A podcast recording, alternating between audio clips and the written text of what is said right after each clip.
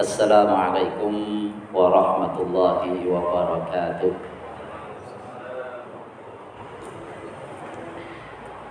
الحمد لله رب العالمين والعاقبة للمتقين ولا عدوان إلا على الظالمين اللهم صل وسلم على سيدنا محمد وعلى آله وأصحابه أجمعين اللهم حبب إلينا الإيمان وزينه في قلوبنا وكره إلينا الكفر والفسوق والعصيان واجعلنا من الراشدين أما بعد yang saya hormati pengurus BDI yang tadi diwakili oleh Bapak Edwin yang saya hormati DKM Masjid Baitur Rahmah. Komperta Lumanis Dunan. Yang saya hormati panitia para bapak, para ibu, saudara-saudara sekalian. Ini juga ada perwakilan dari lembaga-lembaga yang diundang.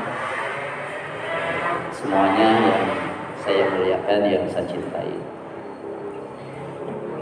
terus terang mendengar apa yang disampaikan oleh pembawa acara bahkan ketika saya membaca tema yang diusung ini saya agak grogi. Temanya luar biasa.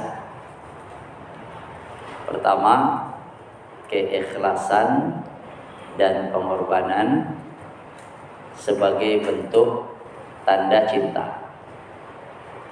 Itu temanya tadi sudah kita dengar.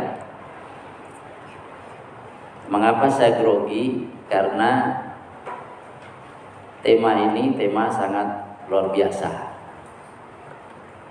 Sangat besar. Sehingga yang hadir ini adalah orang-orang luar biasa pula. Ada tiga variabel yang masuk dalam tema itu. Variabel pertama adalah keikhlasan. Bicara tentang keikhlasan ini satu hal yang besar. Variabel kedua adalah pengorbanan. Ini juga tema tersendiri. Dan variabel yang ketiga adalah cinta. Wa ma adraka cinta tahukah engkau apa itu cinta belum lagi dua variabel yang pertama yaitu keikhlasan dan pengorbanan itu telah disebut sebagai bentuk tanda cinta. Ini hubungan antara dua variabel pertama dengan variabel yang disebut paling akhir yaitu cinta. Sehingga saya sempat termenung, ini saya mulai dari mana? Mulai dari mana? Sampai kemudian saya baca Al-Quranul Karim Di situ saya baca Saya dapati di dalam surat Al-Hajj Karena ini bulan haji Saya baca surat Al-Hajj Dan sampailah pada ayat yang ke-37 Setelah saya tadaburi ayat 37 dari surat Al-Hajj Yaitu surat yang ke-22 Alhamdulillah tentram hati saya bahwa insya Allah tiga variabel itu setidaknya bisa kita cover secara umum melalui satu ayat ini. Jadi judulnya besar, insya Allah kita akan masuk kepada judul besar itu, pintu masuknya, dan yang kita gunakan untuk membahasnya yang jadi landasan utama yang kemudian kita jadikan acuan untuk membahas tiga tema tiga variabel besar tadi adalah satu ayat saja. Sehingga nanti mungkin sebagian kita membayangkan oh berarti kalau satu ayat sebentar. Gitu ya Pak Anton ya? Gini. Di dalam ayat 37 ayat 22 eh, surat 22 surat Al-Hajj Allah firmankan A'udzu billahi minasy syaithanir rajim Bismillahirrahmanirrahim لن ينال الله لحومها ولا دماؤها ولكن يناله ولكن يناله التقوى منكم. كذلك سخرها لكم لتكبروا الله على ما هداكم وبشر المحسنين صدق الله العظيم Artinya lan tidak akan layyanallaha tidak akan sampai kepada Allah. Apa yang tidak akan sampai kepada Allah? Luhumuha daging-dagingnya bentuk jamak dari lahm. Kata gantinya di sini kembali kepada korban. Jadi pengorbanan sudah selesai. Tidak akan sampai kepada Allah luhumuha daging-dagingnya, yakni daging-daging korban itu wala dan tidak sampai pula dima'uha darah-darahnya. Dima bentuk jamak dari dam kalau kata dam ini familiar bagi orang yang sedang menunaikan haji atau umrah yang mengenal istilah dam. Artinya darah. Maksudnya dan tidak pula darah-darahnya itu sampai kepada Allah.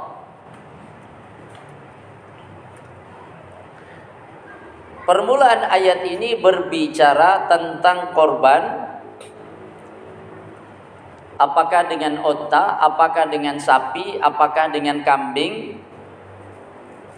Kambingnya apakah berupa domba atau berupa kambing biasa, kambing Jawa. Jadi berbicara tentang korban. Yang diterima Allah, unsur yang membuat korban itu diterima oleh Allah, itu bukan semata-mata daging dan darah dengan cara kita sembelih itu. Akan tetapi walakin akan tetapi yanaluhu yang sampai kepada Allah sampai kepadanya adalah at-taqwa ketakwaan minkum dari kamu sekalian. termasuk dalam ketakwaan ini adalah al-ikhlas. Bahkan kalau kita baca di dalam kitab-kitab tafsir, hampir semuanya menjelaskan makna dalam ketakwaan ini tidak meninggalkan kata ikhlas. Yang sampai kepadanya kepada Allah adalah ketakwaan kamu yakni keikhlasan kamu. Jadi ada proses menyembelih hewan korban yang dengan disembelih itu nanti ada darah yang tertumpah. Darah yang tertumpah itu haram. Harus dibuang. Ya. Ada daging yang kemudian dikonsumsi, sebagian dikonsumsi sendiri, sebagiannya dibagikan. Yang lain. Jadi ada proses menyembelih, kemudian ada yang memotivasi, ada yang melandasi untuk apa orang menyembelih, untuk apa orang berkorban. Ada praktek pengorbanan yaitu bentuk ketaatan kepada Allah dan Rasulnya dan ini ibadah. Menyembelih hewan korban ini ibadah. Bahkan ketika menafsirkan tentang ayat Inna salati mahyaya wa mamati lillahi rabbil alamin. Ketika mengartikan kata nusuki di antara ulama menjelaskan ai udhiyati au dzabihati. Sesungguhnya salatku inna salati. Wa nusuki dan korbanku atau sembelihanku wa mahyaya wa mamati hidup dan matiku lillahi rabbil alamin adalah untuk Allah rabbil alamin. Jadi memotong hewan korban ini esensinya adalah ketaatan kepada Allah Subhanahu wa taala yang dengan begitu itu adalah bentuk ibadah kita kepada Allah. Sebelum bicara tentang dagingnya, sebelum bicara tentang penyembelihannya, maka yang tidak boleh raib tidak boleh jauh dari pikiran seseorang yang akan berkorban adalah ini bentuk penghambaan kami kepada Allah, ini bentuk ibadah saya kepada Allah, ini bentuk ketaatan saya kepada Allah. Nilainya di situ. Ini yang pertama tentang korban. Dan dari kata korban itu kemudian kita mengenal pengur pengorbanan. Rela berkorban. Kemudian ibadah apa pun tak terkecuali adalah memotong hewan korban, ia akan sampai kepada Allah ibadah itu, yakni akan diterima oleh Allah ibadah tersebut kalau dilandaskan pada keikhlasan. Makanya tadi ayat mengatakan yang sampai kepadanya akan adalah akan tetapi yang sampai kepadanya yakni kepada Allah adalah ketakwaan dari kamu, keikhlasan kamu. Sekarang sedikit tentang korban. Bagaimana hukumnya? Di antara ulama ada yang mengatakan wajib bagi yang mampu. Sebagian ulama mengatakan ada yang ini adalah fardu kifayah. Sebagian lagi ada yang mengatakan sunnah kifayah. Tapi muakkadah. Sangat dikuatkan, sangat dikukuhkan. Terlepas dari perbedaan pendapat tersebut, akan tetapi ada benang merah di antara ketiga pendapat itu semangatnya sama yaitu bahwa korban itu diperintahkan yang membedakan hanya adalah sifat perintah ini apakah wajib atau fardu ain atau fardu kifayah atau sunnah muakkadah yang nilainya juga kifayah atau sunnah muakkadah saja. Tapi semuanya sepakat bahwa itu adalah disyariatkan. Bahkan Rasulullah Shallallahu Alaihi Wasallam pernah memberikan warning kepada orang yang mampu akan tetapi tidak berkorban. Sabda beliau hadisnya diriwayatkan oleh Imam Tirmidzi. Kata beliau hadisun hasan. Beliau sallallahu alaihi wasallam bersabda man wajada sa'atan. Siapa yang mendapati kelonggaran. Kalau hanya mengeluarkan 3 juta 4 juta bagi dia itu seperti mengeluarkan untuk sebagian orang ya. Mungkin itu dianggap besar, tapi sebagai dia itu adalah seperti mengeluarkan serat apa seribu dua ribu. Bagi orang lain. Yang dalam kondisi secara ekonomi pendapatannya tidak sebanyak dia. Kata Rasulullah, siapa yang mempunyai kelonggaran, walam yudahi dan tidak memotong hewan korban, fala yaqrabanna musallana maka jangan mendekat-dekat dengan tempat pelaksanaan sholat kami. Kan ada sholat idul adha. Jadi kalau dilaksanakan sholat idul adha, nggak usah deket-deket mari. Apakah haram? Bukan, bukan haram. Akan tetapi ini adalah ungkapan yang menunjukkan apa? Bahwa pantasnya, layaknya, wangunnya kalau bahasa Jawa, ya Orang yang memiliki kelonggaran adalah memotong hewan korban sehingga dia pantas pula untuk bersama dengan komunitas kaum muslimin lainnya ketika menunaikan sholat idul adha. Monggo masing-masing melihat dirinya termasuk yang punya kelonggaran atau yang tidak punya kelonggaran. Yang punya kelonggaran, yuk bareng-bareng kita sambut hadis ini. Di sebagian tempat saya pernah mendengar dengan telinga saya. Ketika entah selama berpuluh tahun di situ di kampung itu ya, tapi tidak pernah yang ada namanya motong kambing apalagi motong sapi di wilayah itu. Ketika pada suatu ketika ketika pada suatu saat itulah biar nggak ngulangin ya. Nah, pada hari raya Idul Adha dipotong sapi di situ. Saya masih ingat waktu itu ada tujuh orang rombongan dari Pertamina ngirim sapi ke sana. Dan ada kambing satu dua waktu itu dari lingkungan terdekat. Kemudian dipotong. Salah seorang di antara tetangga dekat mengatakan ini baru terasa Idul Adha bodoh besar.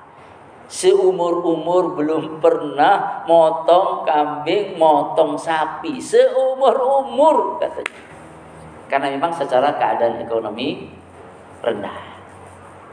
Jadi bisa membayangkan kebahagiaannya macam apa? Bisa membayangkan itu Masya Allah. Makanya Rasulullah Shallallahu Alaihi Wasallam menganjurkan bagi yang punya kemampuan hendaknya memotong hewan korban dan itu adalah setidaknya sunnah muakkadah. Sunnah yang sangat dikuatkan oleh Nabi kita Muhammad sallallahu alaihi wasallam. Ini tentang hukum udhiyah. Korban. Kemudian masuk masalah keikhlasan. Amal itu apakah besar atau kecil? Banyak atau sedikit kalau ada keikhlasan diterima oleh Allah. Sampai kepada Allah. Sebaliknya kalau tidak ada keikhlasan apakah amal itu banyak atau sedikit? Apakah amal itu besar maupun kecil? Allah tak berkenan menerimanya. Makanya dalam hadis qudsi Allah firmankan ana aghna syuraka'i 'ani syirk saya tidak saya adalah yang paling tidak membutuhkan sekutu. Ya. Faman 'amila 'amalan asyraka fihi ma'i ghairi taraktuhu wa syirka.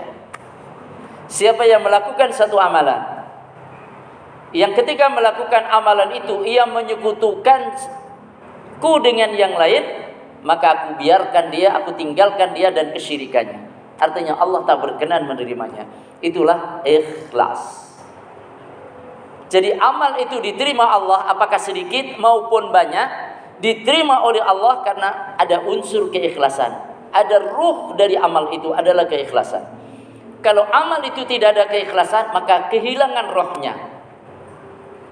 Kalau hewan korban gak ada ruhnya boleh nggak dipotong? Udah mati duluan boleh dipotong?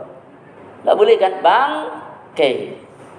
Bangke nggak sah buat korban. Walaupun baru mati. Lagi sholat, mati. Oh, baru saja kok matinya nggak apa-apa, masih seger. Enggak, walaupun. Karena tidak ada nyawanya. Ibadah juga begitu. Kalau tidak ada keikhlasan, maka ibadah itu kehilangan ruhnya, kehilangan nyawanya. Dan bangke hukumnya haram hurrimat alaikumul maitah diharamkan atas kalian al maitatu bangkai maka tentunya tidak layak seseorang menaikkan sesuatu yang tidak ada ruhnya, tidak ada jiwanya. Amal yang bersifat bangkai. Akan tetapi ikhlas ini perlu perhatian sungguh-sungguh.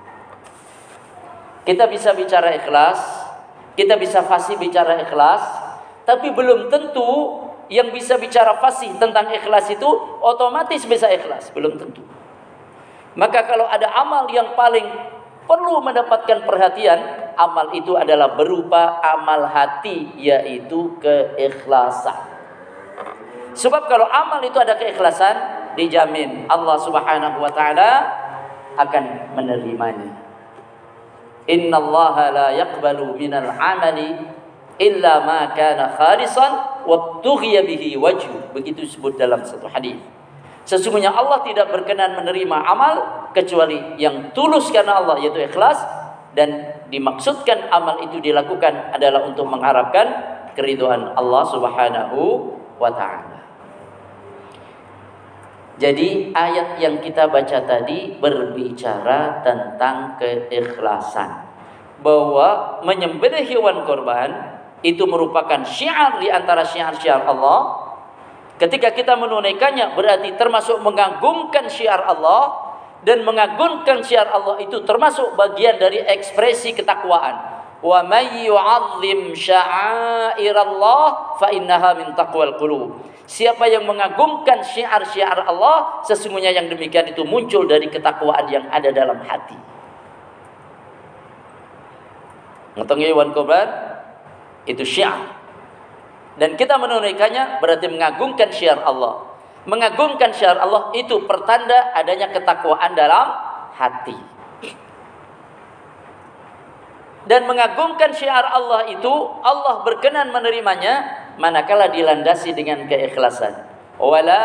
Yanaluhu taqwa minkum akan tetapi yang sampai kepadanya adalah ketakwaan dari kalian, keikhlasan dari kalian.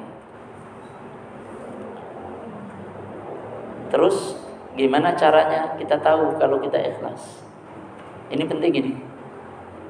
Kita melakukan amal dalam hal ini korban atau amal-amal ibadah lainnya, amal-amal salah lainnya. Apa di antara tanda-tanda yang menunjukkan bahwa kita melakukan amal itu ikhlas dan bukan ria, bukan syirik? Karena ria itu adalah syirik kecil. Yang pertama, tanda bahwa kita melakukan suatu amal itu ikhlas adalah istiwa usirri wal alan dalam keadaan rahasia maupun dalam keadaan terang-terangan tetap melakukan amal kalau orang saat dilihat orang dia melakukan amal tapi saat sendiri meninggalkan amal tersebut ini tandanya keikhlasannya lemah. Ketika dilihat orang sholat qobliyah dan ba'diyah, ketika sholat di rumah nggak pernah qobliyah dan ba'diyah, berarti tidak sama antara rahasia ketika di rumah dan antara ketika dilihat orang. Yang demikian ini menunjukkan apa? Menunjukkan keikhlasannya lemah. Saya tidak berani mengatakan tidak ikhlas. Ada tingkat keikhlasan tertentu tapi lemah. Ini yang pertama. Makanya ada orang yang bertanya kepada Hudzaifah bin Yaman radhiyallahu an. Hudzaifah bin Yaman itu orang spesialis memegang rahasia nama-nama orang munafik. Jadi list nama orang-orang munafik itu siapa saja? Rasul sampaikan kepada Hudzaifah. Ditulis fulan, fulan, fulan, fulan, fulan. Tapi ini off the record. Tidak boleh disebarkan kepada yang lain. Dan Hudzaifah bin Yaman memegang ini. Ia tahu si fulan munafik karena dikasih tahu Nabi. Ia mengetahui si fulan bin fulan munafik karena dikasih tahu Nabi. Tapi bukan untuk disebarluaskan cukup dijaga sendiri oleh Hudzaifah ibnul Yaman maka beliau disebut sahibu sirri Rasulullah pemegang rahasia yang diberikan oleh Rasulullah sallallahu alaihi wasallam. Umar bin Khattab sepeninggal Nabi pernah nanya kepada Hudzaifah "Hai Hudzaifah apakah nama saya termasuk nama yang masuk dalam catatan orang-orang munafik Umar yang oleh Nabi dijamin masuk surga masih ada kekhawatiran jangan-jangan ada sifat nifak kemunafikan. Hudzaifah jawab tidak.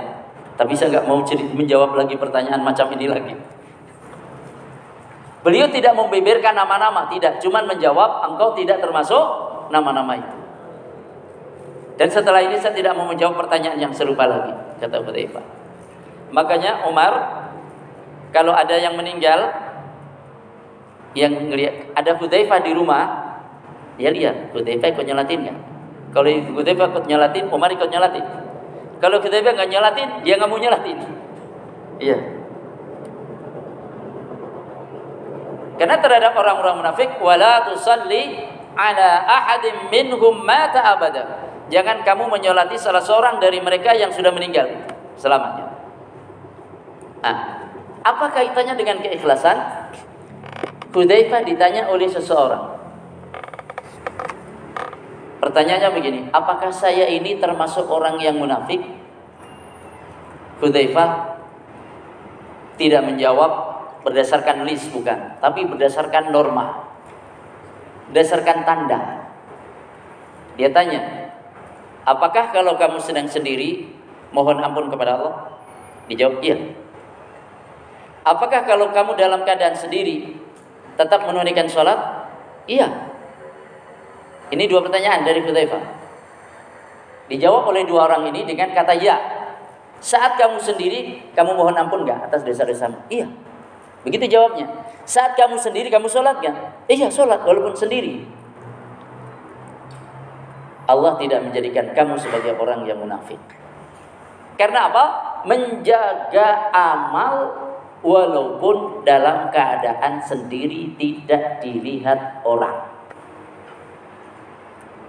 Sehingga ciri ikhlas yang pertama adalah istiwa usirri wal alan sama keadaan seseorang apakah saat dia sendiri maupun dilihat orang tetap melakukan amal soleh. Kalau sholat, ia tetap sholat. Zikir saat dilihat orang atau saat tidak dilihat orang, sama-sama dia zikir. Baca Quran saat dilihat orang, saat tidak dilihat orang, dia memang punya wirid Quran. Membantu berbagi kepada orang lain saat diketahui orang maupun tidak diketahui orang, dia tetap berbagi. Ini ciri yang pertama. Kalau itu keadaan kita, alhamdulillah kita bersyukur kepada Allah, ada tanda keikhlasan pada diri kita. Semoga kita semua termasuk orang yang mukhlis, orang yang ikhlas. Kedua, ciri keikhlasan yang kedua adalah istiwa ul madhi wa dammi. Tetap berbuat baik, tetap melakukan amal soleh, baik dipuji maupun dicela. Kadang-kadang hati ini tergoda oleh pujian orang, begitu dipuji, amal lanjut. Begitu kita dicela orang, lah nggak ngapa-ngapain, nggak disalahin. Kita udah capek-capek, malah disalah-salahin. Mendingan ngapa-ngapain, gitu kan? Berhenti. Itu tandanya berbuat karena orang. Berbuat karena pujian orang dan berhenti karena celaan orang. Di sini keikhlasannya lemah. Jadi kalau kita melakukan satu amalan, kita melakukan satu perbuatan baik, kita melakukan satu program kebaikan, apalagi sudah kita musyawarahkan bersama, apakah saat kita melakukan program itu dicela orang atau dipuji orang, kita tetap jalan, wong itu kebaikan kok, maka itu tanda ikhlas yang kedua. Tapi kalau dipuji jalan, begitu dicela berhenti, berarti di sini keikhlasannya perlu ditumbuhkan, perlu dikuatkan, perlu disempurnakan. Dan yang namanya orang pasti ada yang mencela. Namanya orang pasti ada yang memuji. Jangankan orang, Allah saja dicela. Ingat Gusti Allah itu dicela. Orang-orang Yahudi mengatakan Yadullahi maghlulah Tangan Allah itu terbelenggu. Gimana kira-kira? Kalau Allah langsung murka Digites mereka semuanya habis. Tapi dikiri kesempatan untuk taubat. Allah dihina, Allah dicela. Mereka juga mengatakan innallaha faqiru wa nahnu aghnia. Sesungguhnya Allah itu fakir, kita yang kaya. Hmm. Padahal semua semesta alam ini milik Allah. Mereka bilang gitu karena apa? Dalam Quran disebutkan Man qardan hasana fayudha'ifah Siapa yang mau memberi pinjaman kepada Allah dengan pinjaman yang baik, maka Allah akan melipat gandakannya. Karena ungkapan Quran seperti itu, eh berarti Allah miskin dong, perlu pinjaman. Padahal itu adalah ungkapan untuk memastikan bahwa apa yang kita infakkan karena Allah itu pasti dikembalikan. Walaupun sebenarnya apa yang ada di tangannya itu adalah milik Allah Subhanahu wa taala. Jadi kalau kita berbuat baik dicela orang, ya, kemudian berhenti, maka ini tanda keikhlasan perlu dikuatkan. Maka ciri keikhlasan yang kedua adalah apakah dipuji maupun dicela.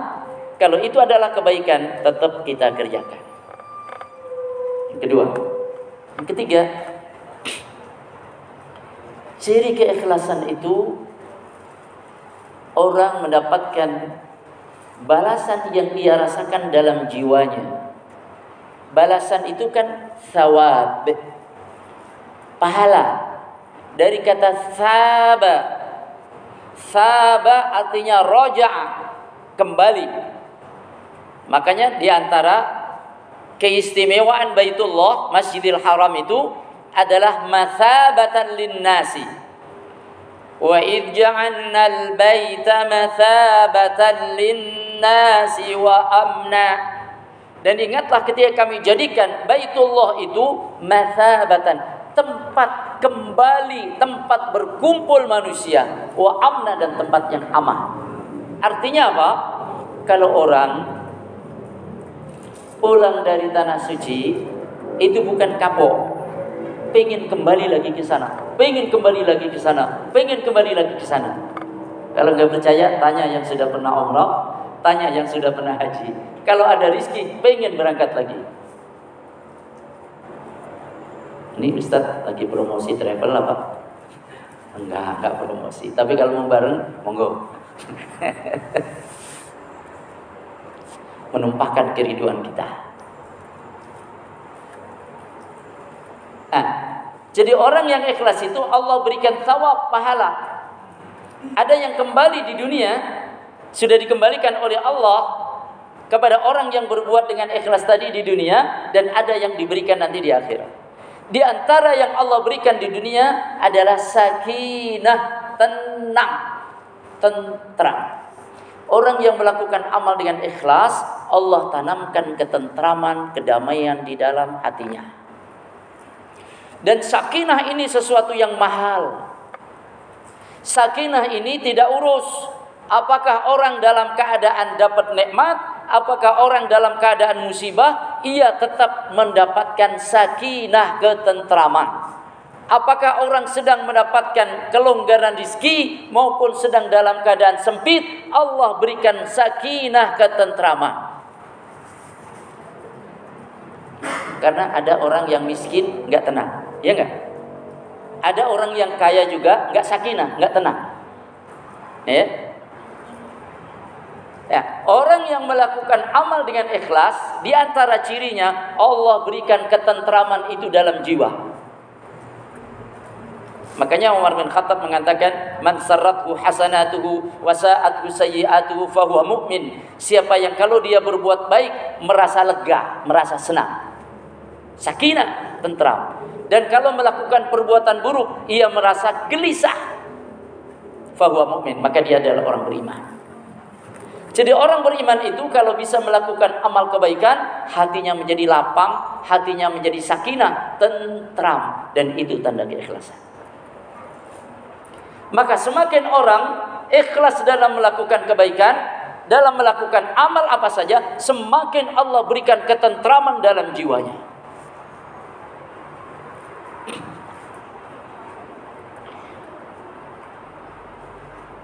Kalau orang mengharap ujian orang lain, tentrem Ya, tentrem.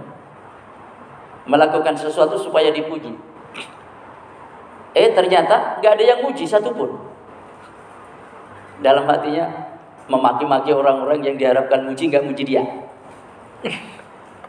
Nyesel gue. Jadi habis berbuat baik bukan lapang tapi malah gelisah hatinya. Karena apa? Tidak ikhlas. Subhanallah. Ini di antara tanda-tanda keikhlasan. Masih ada tanda-tanda yang tapi setidaknya tiga ini pokok. Istiwa'u as-sirri wal alam. Dalam keadaan sendiri maupun dalam keadaan dilihat orang tetap berbuat baik. Istiwa'ul madhi wa dham sama ketika dipuji maupun ketika dicela tetap berbuat baik. ketiga, mendapatkan sakinah dari Allah Subhanahu wa taala ketika bisa melakukan amal saleh, ketentraman. Dan itu yang dicari orang yang ingin bahagia, sakinah. Dan kebahagiaan itu ada dalam keikhlasan. Semakin orang ikhlas, semakin bahagia. Bahkan orang itu semakin ikhlas, semakin jauh dari sifat munafik kalau rahasianya lebih baik daripada tampaknya. Itu berarti makin ikhlas. Jadi tadi kan sama ketika sendiri maupun di orang lain amalnya tetap sama. Tapi kalau sendiri amalnya kurang, ketika bersama orang lain amalnya bertambah, itu keikhlasannya agak lemah. Gitu? Tapi kalau saat sendiri amalnya justru lebih baik dibanding ketika dilihat orang karena dia ingin merahasiakan amalnya berarti ini keikhlasannya semakin kuat semakin jauh dari sifat pria semakin jauh dari sifat munafik maka siapa saja ini nasihat para ulama siapa saja yang merasa dirinya ini sulit mengatasi ria siapa saja yang merasa dalam dirinya ini sulit mengalami syirik kecil Sulit apa? Untuk menghal, apa? menghindari syirik kecil yaitu ria. Sulit menolak kemunafikan itu dalam jiwanya. Maka jawabannya adalah perbanyaklah amal rahasia. Perbanyaklah amal rahasia. Semakin orang banyak melakukan amal rahasia, cukup antara dia dengan Allah saja yang tahu.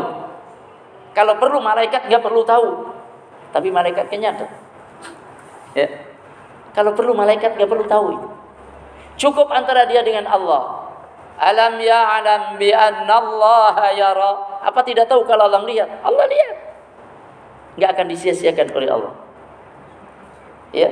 Maka dia ketika dalam keadaan sendiri justru lebih baik dibanding ketika dilihat orang. Oh, berarti keikhlasannya lebih kuat. di depan kita itu ada bangunan berapa lantai itu yang perumahan kami iya yang di sini. Apartemen. Eh 10 10 lantai. Kira-kira yang di dalam yang di dalam tanah itu berapa meter? Apa cukup setengah meter pondasinya? Cukup nggak? Nggak cukup. Satu meter cukup nggak? Nggak cukup pula. Karena 10 lantai di atasnya. Semakin kita ingin membangun bangunan yang menjulang tinggi, maka semakin yang tertanam rahasia nggak lihat harus semakin dalam, semakin banyak. Jangan dikira yang tertanam itu tidak berarti. Justru dengan yang ditanam itu kokoh, maka bangunan di atasnya akan kokoh. Itulah keikhlasan. Jadi semakin amal rahasia seseorang itu kokoh, tertanam, terhujam di dalam jiwanya tak seorang pun yang lihat maka semakin keikhlasan itu kokoh dan semakin amal solehnya bertambah-tambah baik. Jemaah sekalian, jadi itu tiga tanda utama. Ada tiga tanda lain umpamanya orang ikhlas itu apa namanya? Ia berusaha melakukan amalnya dengan ihsan, dengan sebaik-baiknya. Sering saya buat contoh itu nyuci piring. Nyuci piring yang ikhlas dengan yang gak ikhlas beda bunyinya. Beda hasilnya. Eh? Nyapu lantai antara yang ikhlas dengan yang gedumel beda bersihnya. Gitu? Begitu juga bersihin rumput dan seterusnya. Jadi kalau nyucinya itu ikhlas, nggak berisik, nggak berisik. Krumjong, nggak begitu. Naruhnya juga pelan. Terus begitu nanti dibuka buat makan bersih juga. Tapi kalau kurang ikhlas, sukanya begini, suaranya berisik, ya, krumjong, krumjong ini, wah, belum, pecah lagi, ada yang pecah. Kemudian begitu diambil, wih, masih ada sabunnya. Nah, kurang ihsan. Kalau orang ikhlas, insya Allah amalnya akan menjadi semakin baik. Ini pentingnya keikhlasan. Apalagi kalau orang itu ikhlas, maka kalau ada kebaikan itu bisa dikrit orang lain, tidak melalui dirinya, dia ikut senang. Tapi kalau orang nggak ikhlas, kenapa nggak lewat saya saja kebaikan itu? Seolah-olah dirinya lah yang berhak berbuat baik saja, orang lain merasa bagi dia tidak pantas berbuat baik macam itu. Jadi orang yang ikhlas itu kalau ada kebagian program kebaikan di tengah umat, apakah terwujud melalui tangannya atau terwujud melalui orang lain, dia ikut senang karena kebaikan telah muncul. Allah ditaati oleh banyak orang walaupun tidak melalui usaha dia, tapi melalui usaha orang lain. Itu jadi orang ikhlas, tidak dengki. Maka di antara obat dengki itu ikhlas. Jadi kalau penyakit dengki segala macam itu tandanya keikhlasan perlu lebih dikuatkan. Ya mas kalian itu tadi ayat yang kita baca. La nuhumuha wa walakin yanaluhu taqwa minkum. Tidaklah yang sampai kepada Allah itu daging dan darah dari hewan korban. Melainkan yang sampai kepada Allah adalah ketakwaan kalian keikhlasan kalian. Jadi kalau memotong hewan korban dilandasi dengan ikhlas, itulah yang sampai kepada Allah. Memotong hewan korban tidak dilandasi dengan ikhlas, tidak akan nyampe itu kepada Allah Subhanahu wa taala. Apa yang melatar belakangi turunnya ayat ini? Disebutkan dalam kitab-kitab tafsir termasuk di dalam uh, tafsir al yang ditulis oleh Al-Wahidi Al-Wahidi itu beliau menulis tentang asbabun nuzul, tapi ini dalam kitab tafsirnya. Dan juga dalam tafsir Qurtubi, dalam tafsir Ibnu Katsir, dalam tafsir uh, yang lain-lain, rata-rata disebutkan di sana tentang asbabun nuzul. Bahwa dulu orang-orang musyrik itu kalau mereka memotong hewan dibawa ke tanah suci di Masjidil Haram dipotong, kemudian dagingnya itu di apa namanya diawer-ewer di samping di seputar Ka'bah, di Ka'bah itu. Sehingga Ka'bah itu belepotan darah. Ini cara mereka untuk apa? Supaya lebih dekat katanya kepada Tuhan. Sebagian dari orang-orang beriman ada yang mengatakan kita yang lebih patut untuk melakukan itu. Maka turun ayat ini. Yang sampai kepada Allah itu bukan belepotan darahnya. Itu bukan. Bukan pula dagingnya. Tapi yang sampai adalah ketakwaan kalian, keikhlasan. Sedangkan mereka yang melakukan itu adalah orang-orang yang menyekutukan Allah alias tidak ikhlas. Pengorbanan selesai. Keikhlasan selesai. Pengorbanan di atas keikhlasan. Tinggal yang terakhir ya. Cinta. Kita lanjut. Kadzalika macam itulah, seperti itulah sakharaha lakum Allah tundukkan binatang ternak, hewan ternak itu yang kalian buat korban lakum kepada kalian. Seperti itulah Allah tundukkan hewan ternak itu sehingga kalian bisa berkorban dengannya. Allah tundukkan kepada kalian onta, kerbau, sapi lebih besar mana dengan anak kecil? anak kita, bahkan mungkin dari kita lebih gedean dia. Bobot kita berapa? 60, 70, 80, 100. Sapi berapa? Kalau sapi 100 apa namanya? Satu kintal kurus ini ya. Ya, biasanya berapa kintal Ustaz Ansori?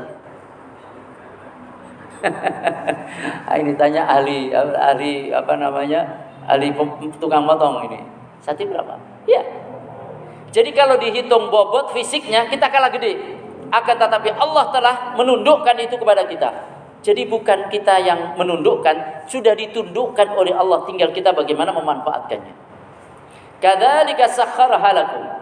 Seperti itulah Allah telah menundukkan binatang ternak itu untuk kalian. Berarti ini nikmat dari Allah untuk kalian. Anak kecil nuntun sapi, ngikut tuh sapi. Padahal anaknya kecil. Gitu.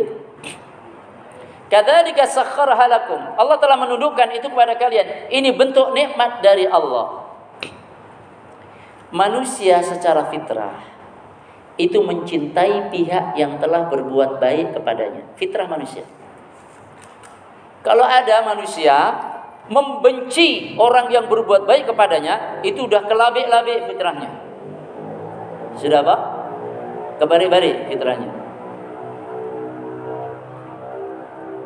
Jangankan orang dalam keadaan yang umum, normal, bisa berbuat baik. Biasa berbuat baik. Mohon maaf. Penjahat sekalipun. Mohon maaf. Garong sekalipun. Itu menghargai orang yang banyak berbuat baik kepadanya. Oh jangan itu jangan. Dia orangnya baik. Jangan. Begitu sama. Jadi fitrah manusia itu mencintai pihak yang berbuat baik kepadanya. Makanya terhadap orang tua kita, orang tua kita telah banyak berbuat baik kepada kita, ada kecintaan kepada orang tua. Semakin orang banyak berbuat baik kepada kita, semakin kita ada keterikatan hati dengannya. Ah, Allah telah berbuat baik kepada kita. Sakharaha Telah ngasih nikmat itu kepada kita. Binatang ternak diberikan kepada kita, ditundukkan kepada kita. Itu kebaikan dari Allah. Dan ini adalah alasan cinta. Udah ketemu ya cintanya. Ini adalah alasan bahwa kita mencintai Allah karena tidak ada yang berbuat baik kepada kita melebihi kebaikan yang Allah berikan kepada kita. Gak ada. Sehingga siapa yang paling kita cintai? Jawabnya adalah Allah. Kita mencintai diri kita. Diri kita ini ciptaan siapa? Ciptaan Allah. Berarti sumbernya dari siapa? Dari Allah. Kalau kita mencintai diri kita, diri kita ini pemberian Allah, maka sepatutnya kita pun mencintai Allah, sumber dari diri kita. Kita mencintai istri kita, mencintai suami kita. Siapa yang menciptakan suami dan istri kita? Allah. Berarti sumbernya dari Allah. Sumber cinta itu dari Allah, maka kita lebih mencintai Allah. Kita mencintai kendaraan yang Allah anugerahkan kepada kita melalui kemampuan-kemampuan yang telah Allah berikan kepada kita pula melalui proses belajar. Allah berikan rumah, Allah berikan fasilitas. Fasilitas itu adalah pemberian Allah Subhanahu wa taala. Kalau kita suka dengan fasilitas itu, jangan lupa kepada yang telah memberi, dialah Allah Subhanahu wa taala. Maka ayat ini seperti itulah Allah tundukkan binatang ternak yang kalian jadikan korban itu kepada kalian ini membuat kita cinta kepada Allah Subhanahu wa taala. Maka kita ikhlas berkorban kepada Allah karena Allah. Maka lanjutan ayat litukabbirullaha ala ma hadakum agar kalian mengagungkan Allah atas hidayahnya kepada kalian. Kita telah diberi iman. Agungkan Allah, Allahu Akbar. Makanya ketika kita menyembelih hewan korban, apa yang kita ucapkan Allahu Akbar. Fadhkuru smallahi 'alaiha sawaf. Ketika memotong, sebut nama Allah. Bismillah. Ayat yang baru saja kita baca, itu ayat sebelumnya. Ayat yang baru saja kita baca, litukabbirullah. Agar kalian mengagungkan Allah maka padukan di antara dua tadi saat memotong hewan korban, Bismillah, Allahu Akbar, potong hewan korban. Dua ayat kita amalkan sekaligus. Ayat 36, ayat 37. Agar kalian mengagungkan Allah ada mahadakum atas hidayahnya kepada kalian. Kita diberi hidayah iman. Kita diberi hidayah manasikul hajj. Kita diberi hidayah tentang tata cara korban. Kita diberi hidayah oleh Allah tentang solat idul adha kita diberi hidayah oleh Allah manasik haji. Masya Allah. Agungkan Allah atas hidayahnya kepada kalian. Dan terakhir, wabashiril muhsinin. Happy ending. Ending yang sangat indah. Ending yang sangat menyejukkan, ending yang sangat membahagiakan, ending yang sangat membuat hati ini berbunga-bunga. Wabash ya Muhammad, kabar gembira berikan, berikan kabar gembira. Wabashir, berikan kabar gembira wahai Muhammad. Nabi suruh ngasih kabar gembira.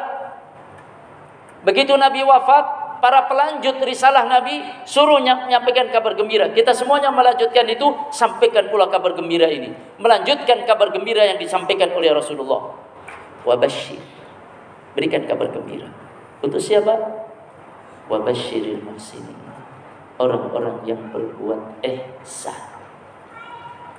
Beri kabar gembira kepada orang-orang yang berbuat baik.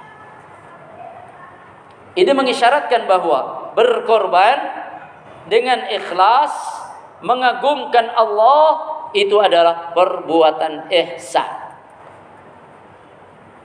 Ya jadi berkorban dengan ikhlas karena Allah untuk mengagumkan Allah itu adalah perbuatan ihsan. Orang yang melakukannya berarti muhsin, orang yang telah berbuat ihsan, telah berbuat baik. Karena orang yang berkorban dengan ikhlas untuk mengagungkan Allah dia adalah orang yang telah berbuat ihsan. Penghujung ayat wabashir wabashiril muhsinin. Berikan kabar gembira kepada orang-orang yang telah berbuat baik itu. Apa kabar gembiranya? Diterima Allah. Apa kabar gembiranya? Allah berikan balasan di dunia ketentraman. Di akhirat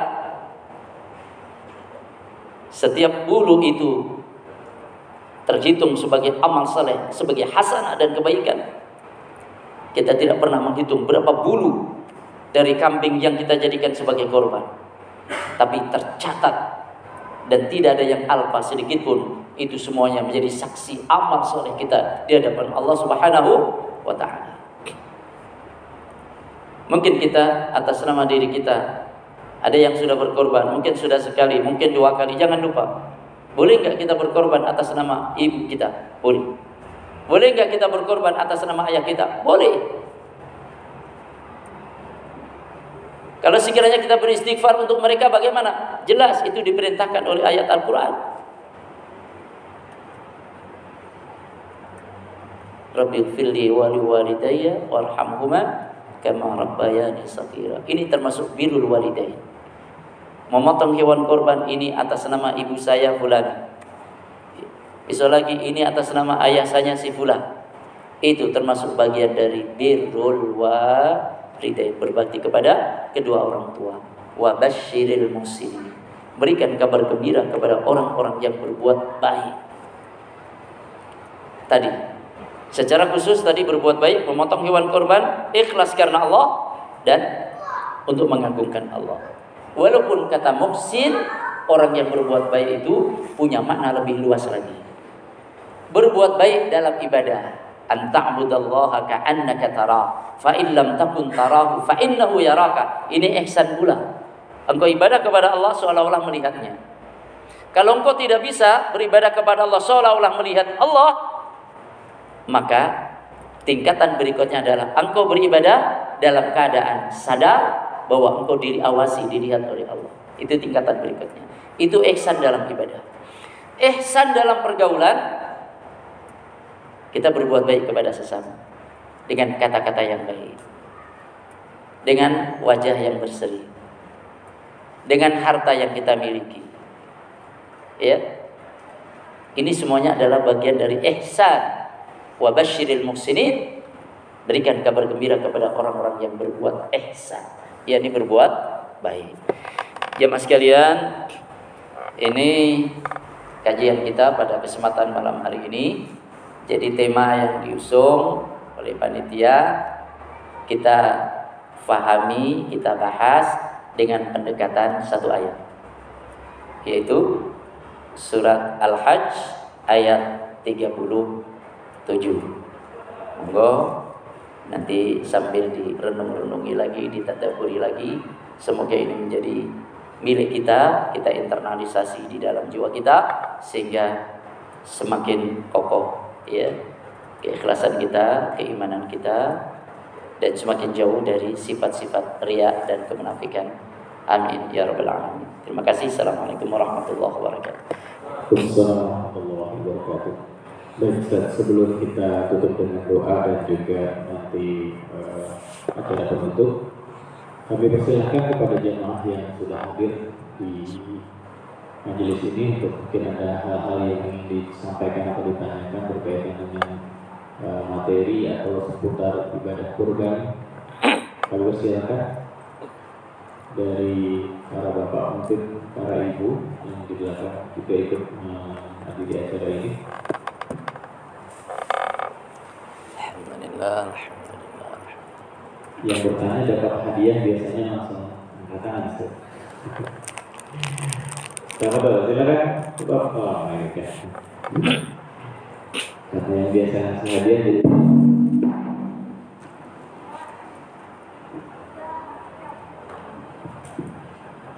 ada apa? Silakan. Baik, terima kasih. Mohon penjelasan atau yang di ya, mungkin sering di, dikaji dibahas ya dalam diskusi-diskusi itu terkait puasa Arafah. Puasa Arafah itu menepati barang itu atau kan tanggal sembilannya. Ketika sekarang ini kan uh, kerajaan Saudi Arabia dengan Indonesia kan menetapkan satu kebijakannya berbeda. Nah ini ikut uh, mana yang puasa Arafah. Demikian ya, mungkin Ya. Ini tentang puasa Arafah. Nanti ikutannya adalah tentang Idul Adha juga. Ya. Ya. Yang pertama adalah perhatikan kapan kita mulai. Ya. Tidak ada perbedaan pendapat bahwa uh, permulaan bulan Dzulhijjah itu tanggal 1, iya enggak? Permulanya tanggal 1 ya? Iya. Dan tidak ada beda pendapat pula bahwa uh, puasa Arafah itu tanggal 9 Dzulhijjah, betul? Tidak ada beda pendapat. Tidak ada beda pendapat pula bahwa Idul Adha itu tanggal 10 Dzulhijjah, gitu? Selesai. Yang dimungkinkan terjadi beda pendapat adalah kapan tanggal 1 Dzulhijjahnya. Penentuan kapan tanggal 1 Dzulhijjah itu sifatnya ijtihadiyah. Upaya manusia. Karena itu ijtihadiyah dimungkinkan terjadi beda pendapat. Dan untuk tahun ini terjadi. Ya. Ada yang menetapkan bahwa permulaan bulan Dzulhijjah adalah hari Kamis. Ada yang menetapkan permulaan Dzulhijjah adalah hari Jumat. Gitu? Ini pertama. Dan perbedaan itu dimungkinkan. Dimungkinkan eh, bahkan secara geografis itu dimungkinkan. Di Indonesia belum terlihat ketika maghrib hilal tanggal satunya. Begitu nanti geser empat jam berikutnya di Saudi terlihat. Memang penanggalan Komariah atau Hijriah itu mulainya bukan dari timur, tapi dari barat. Yang barat kita lebih dulu dibanding yang kita di sini. Berbeda dengan Syamsiah, Miladiyah. Ini kadang orang kan mencampur adukan di antara kedua ini. Maka kapan Arafahnya? Arafahnya adalah lihat kita tanggal berapa hari apa kita mulai tanggal 1. Kalau tanggal 1 yang kita pakai yang kita pakai, kita lebih meyakini tanggal satunya umpamanya adalah hari Kamis. Maka hari Arafahnya puasanya adalah hari Jumat. Itu tanggal 9-nya. Kalau orang meyakini dan dia mengikuti bahwa tanggal 1 Dzulhijjahnya adalah hari Jumat, maka puasa Arafahnya nanti adalah hari Sabtu, tanggal 9-nya hari Sabtu. Jangan ngegol. Ngegol. Iya. Eh? Mulainya tanggal mulainya hari Jumat. Eh, tanggal satunya Arafahnya hari hari Jumat juga. Yang berarti kalau menurut hitungan dari awal itu baru tanggal 8. Itu namanya ngegol. Iya. Kalau kereta ngegol itu nanti bisa lepas itu. Eh, jalannya lurus. Jadi lihat kita mulai dari yang mengikuti yang mana, konsisten itu. Ya.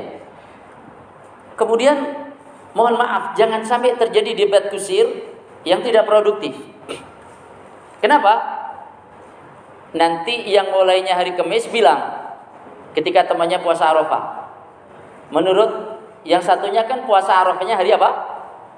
Hari Sabtu. Menurut dia hari Sabtu sudah lebaran. Haram lo puasa hari lebaran. Gitu? Sehingga gampang. Enggak boleh ya? Iya enggak boleh. Akhirnya enggak puasa.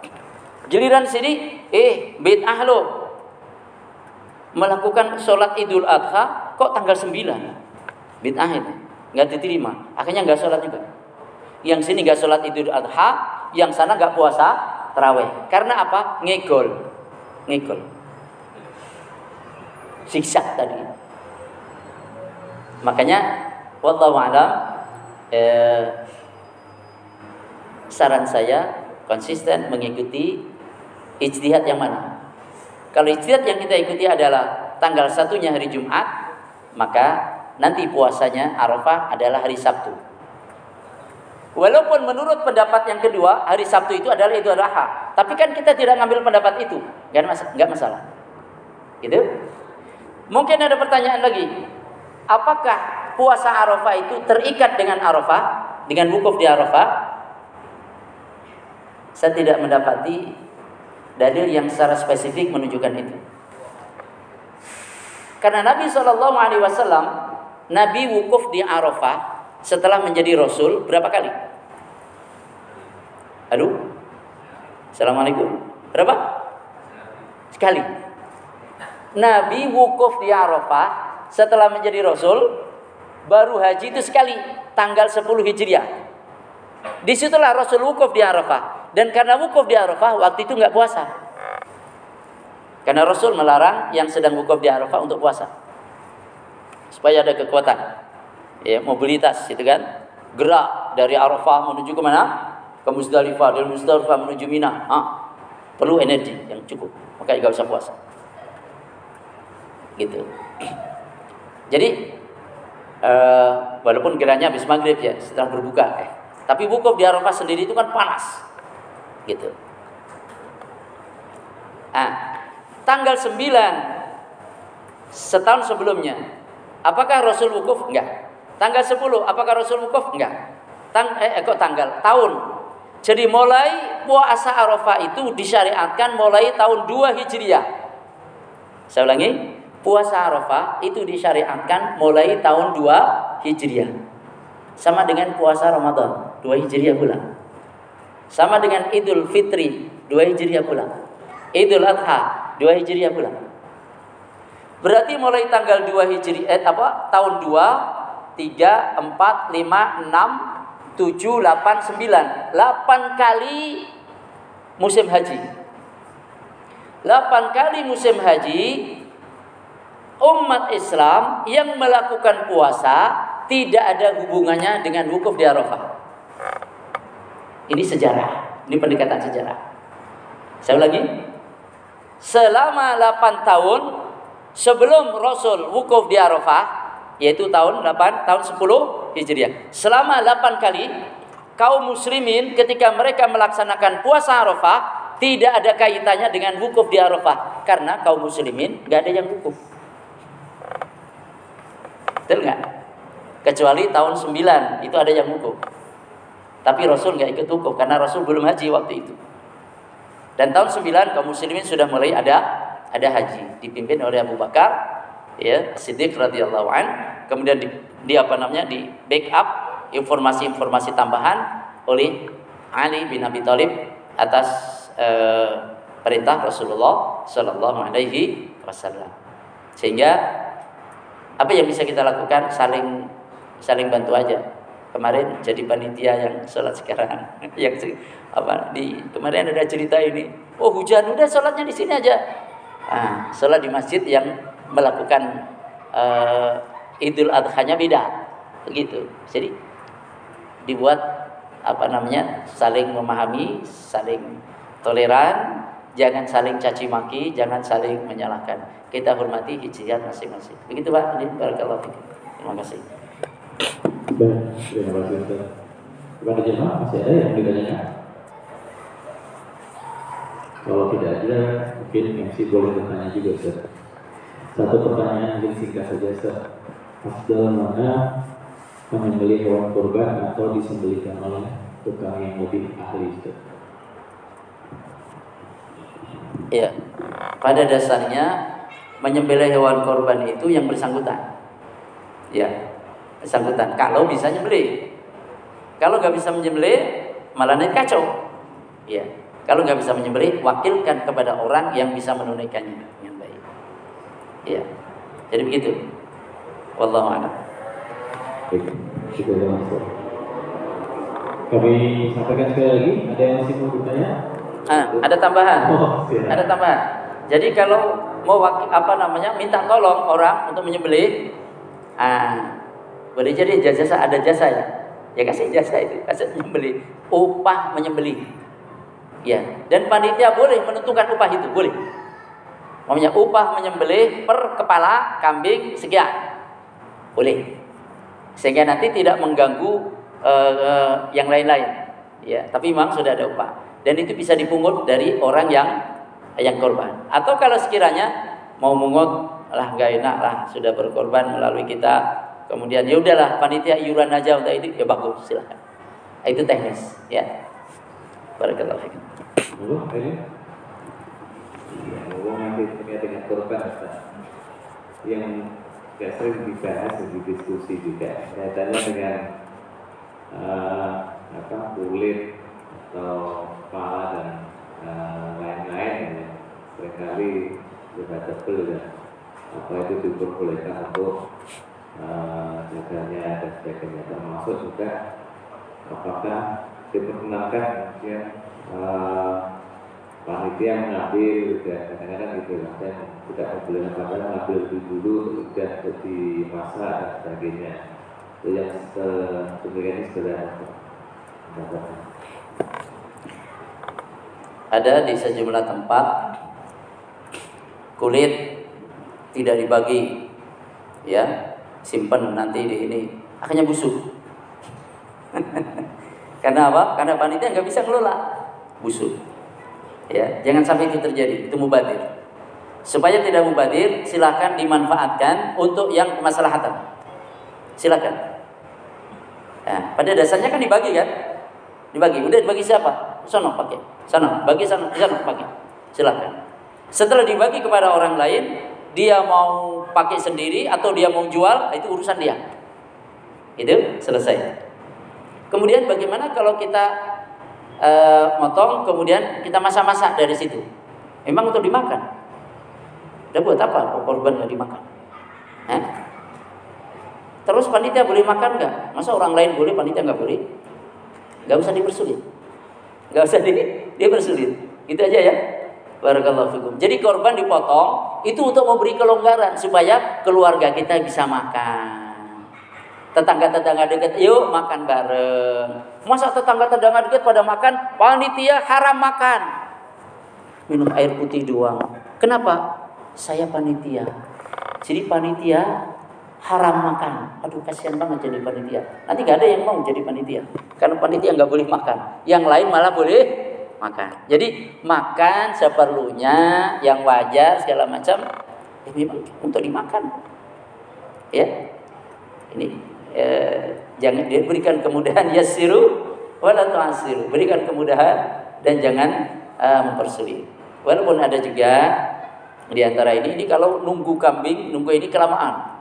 Ada di antara tetangga kadang itu Ustaz, saya beli ini, saya beliin anu, kira-kira mau masak berapa? Dibeli dia daging sekian kilo. Terus sapi perlu berapa? Eh, daging sekian. Dia beli itu. Sehingga begitu Orang lagi pada motong, ini sudah masak ini. Udah masak. Loh kok cepet banget bang ini belum jadi? Udah, udah ada persiapan sebelumnya. Tapi bukan daging korban. Tapi daging apa? Daging dari pasar. Boleh nggak? Ya boleh juga. Nah, dan terus nanti kalau udah matang itu gimana? Makan lagi nggak apa-apa. Ya.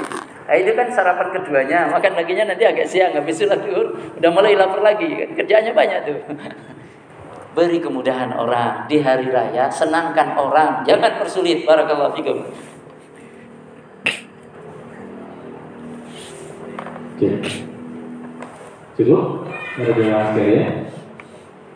Baik, insya Allah kalau sudah cukup kita juga cukupkan dan sebelum penutup kami mohon kepada Ustaz Nawawi untuk bisa memimpin doa mudah-mudahan kita semua diberikan kelancaran dalam beraktivitas termasuk juga khusus kepada perusahaan uh, PT Kilang Pertahanan Internasional Unit Cilacap mudah-mudahan juga diberikan keamanan dan operasional. Terima kasih. Kita mohon kepada Allah semoga dimudahkan urusan kita. Semoga amanah yang diberikan kepada panitia, panitia diberi kekuatan untuk bisa melaksanakannya dengan sesempurna mungkin dan semoga para mudhahi orang-orang yang berkorban semua yang dikorbankannya itu dibimbing oleh Allah ikhlas karena Allah Subhanahu wa taala mendapatkan pahala yang besar dan balasan terbaik dari Allah Subhanahu wa taala. Ala hadhihi niyyah wa ala kulli niyatin salihah al-fatihah A'udzu billahi rajim Bismillahirrahmanirrahim الحمد لله رب العالمين الرحمن الرحيم مالك يوم الدين إياك نعبد وإياك نستعين اهدنا الصراط المستقيم. صراط الذين أنعمت عليهم غير المغضوب عليهم ولا الضالين آمين. الحمد لله اللهم صل وسلم على سيدنا محمد وعلى آله وأصحابه أجمعين. اللهم إنا نسألك بأننا نشهد أنك أنت الله لا إله إلا أنت الأحد الصمد الذي لم يلد ولم يولد ولم يكن له كفوا أحد. اللهم سهل أمورنا واقض حوائجنا وبلغ مقاصدنا ووفقنا لما تحبه وترضى. حسنا أنفسنا وأموالنا وأهالينا وكل شيء أعطاناه ربنا بالحي القيوم الذي لا يموت أبدا. ودفعنا عنهم السوء بلا حول ولا قوة إلا بالله العلي العظيم. ربنا آتنا في الدنيا حسنة وفي الآخرة حسنة وقنا عذاب النار. صلى الله على سيدنا محمد وآله الأخيار. والحمد لله رب العالمين. السلام عليكم ورحمة الله وبركاته. وعليكم السلام ورحمة الله وبركاته.